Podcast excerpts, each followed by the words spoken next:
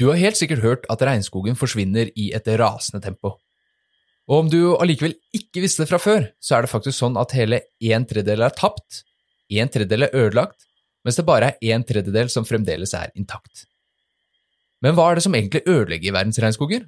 Og finnes det løsninger for at våre etterkommere fortsatt skal kunne oppleve regnskogens naturlige magi? I de to neste episodene av Regnskogpodden forklarer ser vi nærmere på truslene mot regnskogen.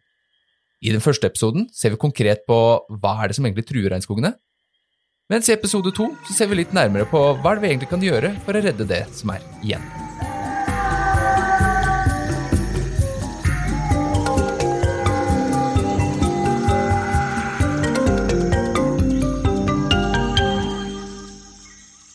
Du har sikkert sett bilder eller video av mektige mennesker bak svære skrivebord med flotte utskjæringer laget i en dyp, mørkere tresort.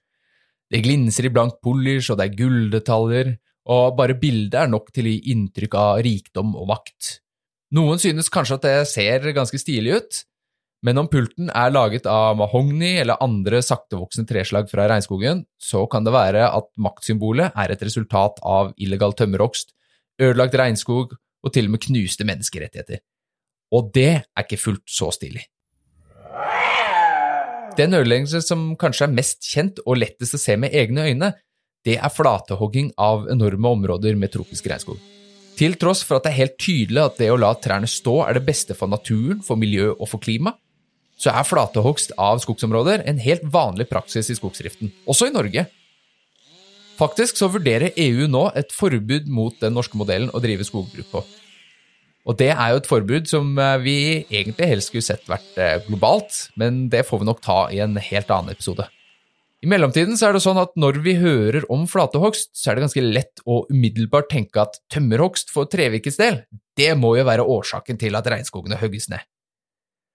Men tømmer som eh, hugges for å lage eksklusive møbler eller parkett, papir og andre trevarer, er faktisk bare en liten del av truslene som regnskogene våre står overfor.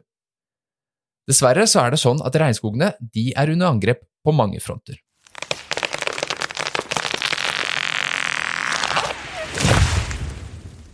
Det vi ofte ser i regnskogland, er at trærne først blir høgd ned, deretter så transporteres tømmeret ut, eller så blir trærne liggende og rett og slett tørke veldig lang tid før de settes fyr på.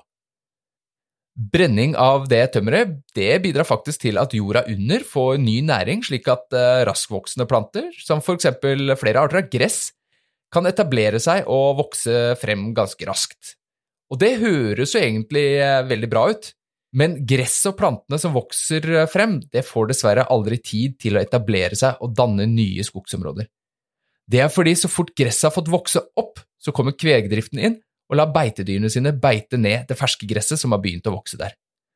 Og til slutt, når trærne er borte og plantene er beita ned, så blir området brukt til jordbruk, oljeproduksjon, gruvedrift eller andre industrier som legger tidligere frodige regnskogsområder i grus.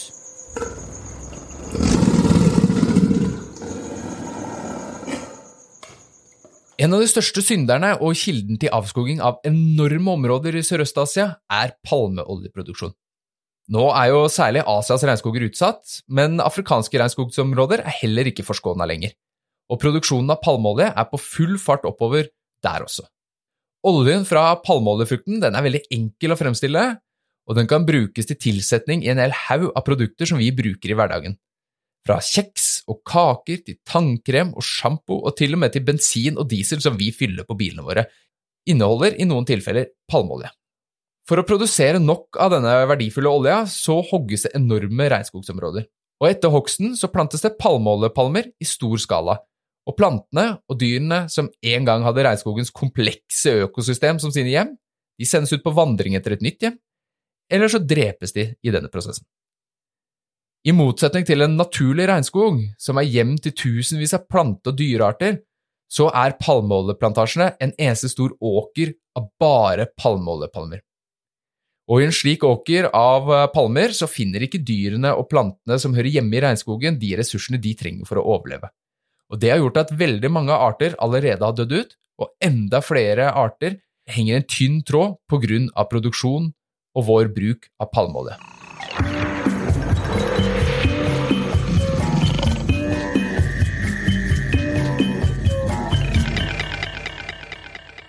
Retter vi blikket over på den andre siden av planeten og kikker på Sør-Amerika, så er det andre jordbruksprodukter som er de største driverne av avskoging.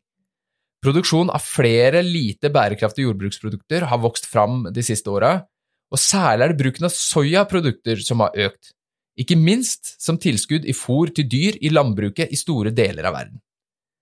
Blant annet så brukes soya i veldig stor skala for å produsere en av Norges største eksportprodukter, nemlig oppdrettslaks. Med økende kjøpekraft blant flere mennesker eh, rundt hele verden har også etterspørselen etter kjøtt og fisk økt. Og det har en voldsom effekt på både klimagassutslipp og på avskoging i tropiske områder. Særlig i Amazonas. Enorme skogsområder hugges og brennes hvert eneste år for å skape store åkre av soya. Og soya det kan jo være en veldig god kilde til næring det for oss mennesker, dersom vi hadde valgt å spise den sjøl. Men når soyaen heller brukes til å fòre opp dyr som vi skal spise, så blir det veldig lite effektivt. Faktisk så krever produksjonen av én kilo kjøtt fra kveg, dvs. Si altså ei ku, minst 4,5 kilo soya som kraftfôr. I tillegg til det så brukes det 15 000 til 50 000 liter vann for å produsere en kilo med kjøtt. Mens en oppdrettslaks den må sluke omtrent 1,5 kilo med kraftfôr for å produsere 1 kilo med kjøtt. Og hvis vi fordeler det utover millioner av oppdrettsdyr, så er det klart at soya det gjør seg aller best som menneskemat. I tillegg så er det jo sånn at når regnskogen hogges og brennes for å gjøre plass til et så lite bærekraftig landbruk, så slippes det i tillegg ut store mengder klimagasser, som eksempel karbondioksid, ut i atmosfæren. Faktisk så tilsvarer de utslippene fra avskoging av regnskog utslipp fra alle verdens biler. Omtrent 650 milliarder tonn karbon i løpet av et år. Et tall som er så enormt at det nesten er mulig å forestille seg. I tillegg til det så kan jo ikke skogen som en gang sto der, ta opp og lagre karbon lenger. Så på toppen av tapet av uerstattelige regnskogsområder får vi altså en dobbel klimaeffekt der.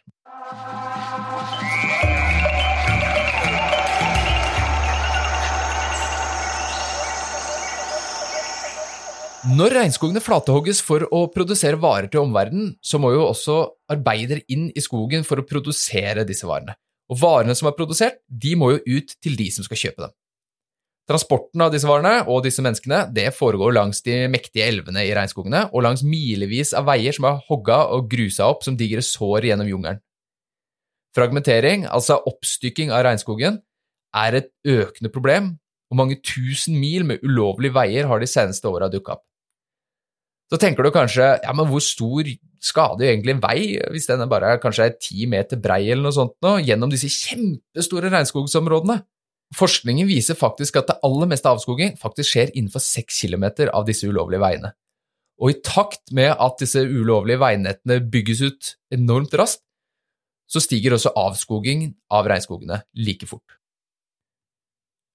Gruvedrift, leting etter råolje og utvinning av vannkraft fra store damanlegg er også et økende problem. Store, åpne gruver og oljefeltet legger beslag på enorme skogsarealer og bidrar til forgiftning av områdene rundt. Og i noen tilfeller kan det være rene dødsfeller for arbeiderne som jobber der. Det kan igjen ha veldig stor påvirkning på det lokale samfunnet rundt, fordi de aller fleste av de som eh, jobber i disse gruvene og disse oljefeltene, det er lokale arbeidere. Demninger skaper også forstyrrelser i elveløp og kan legge store områder under vann oppstrøms fra anleggene, mens vanntilførselen og fiskemulighetene nedstrøms forstyrres. Gullgraving er et annet stort problem flere steder, og fører til store utslipp av blant annet kvikksølv. Og kvikksølv det er et metall som er knytta til en rekke helseproblemer. Blant annet så er det bevist at langvarig eller stor eksponering for kvikksølv er kobla til problemer i fosterutviklingen og spesielt Yanomamene i Amazonas kjemper en kamp mot de ulovlige gullgraverne. Så på sin side igjen gjerne utsette lokalbefolkningen for eh, trakassering og vold. Raffinering av andre metaller, som eksempel aluminium, bruker også enorme mengder energi og kjemikalier. Og tungmetaller har ved flere anledninger lekka ut i elvene og forgifta områder hundrevis av kilometer nedenfor kilden. Og da kan vi begynne å snakke om den nærmest usynlige forringelsen av regnskogen også. Utslipp av kjemikalier, endringer i landskap og jakt på trua dyr er bare noen av forstyrrelsene som kan snu opp ned på den skjøre balansen i regnskogen. Det kan være vanskelig å oppdage siden det ikke er like åpenbart som digre hogstfelt eller en stor vei, men effekten av disse ødeleggelsene kan være store, de kan være langvarige, og noen tilfeller så kan det være irreversible. Forgiftning av jordsmonn og drikkevann fra kjemikalieutslipp kan føre til sykdom, eller til og med til død, og kan tvinge urbefolkning og lokalbefolkning til å måtte flykte fra hjemmene sine. Men storstilt, ulovlig jakt kan føre til drastisk nedgang i dyrebestander, og i noen tilfeller føre til et fenomen som kalles tom skog-fenomenet, hvor nær sagt alt av dyr i et område forsvinner som et resultat av kollaps i økosystemet.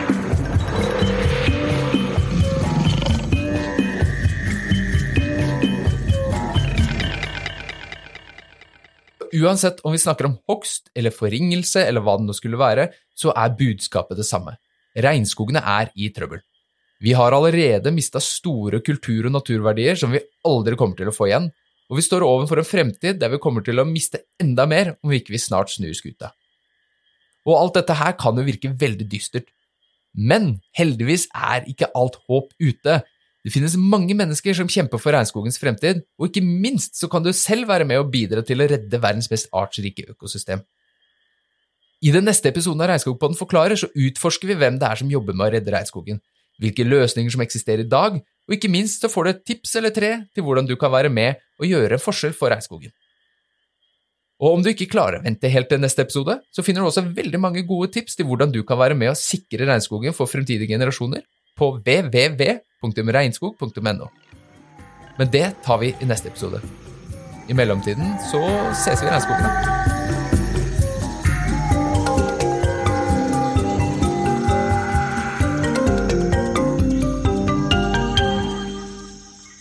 Du har nettopp hørt på Regnskogpodden, en podkast produsert av Regnskogfondet i samarbeid med Norad.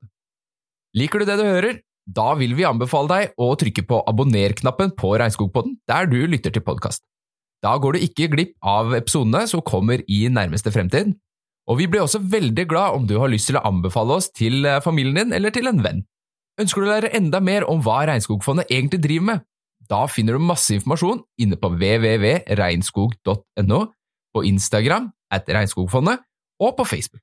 Vi hører veldig gjerne tilbake fra dere som lytter til oss, så om du har ris, ros, spørsmål, kommentarer eller forslag til tema og gjester, så kan dere sende det til oss på en god gammeldags e-post på pod alfakrøll rainforest.no.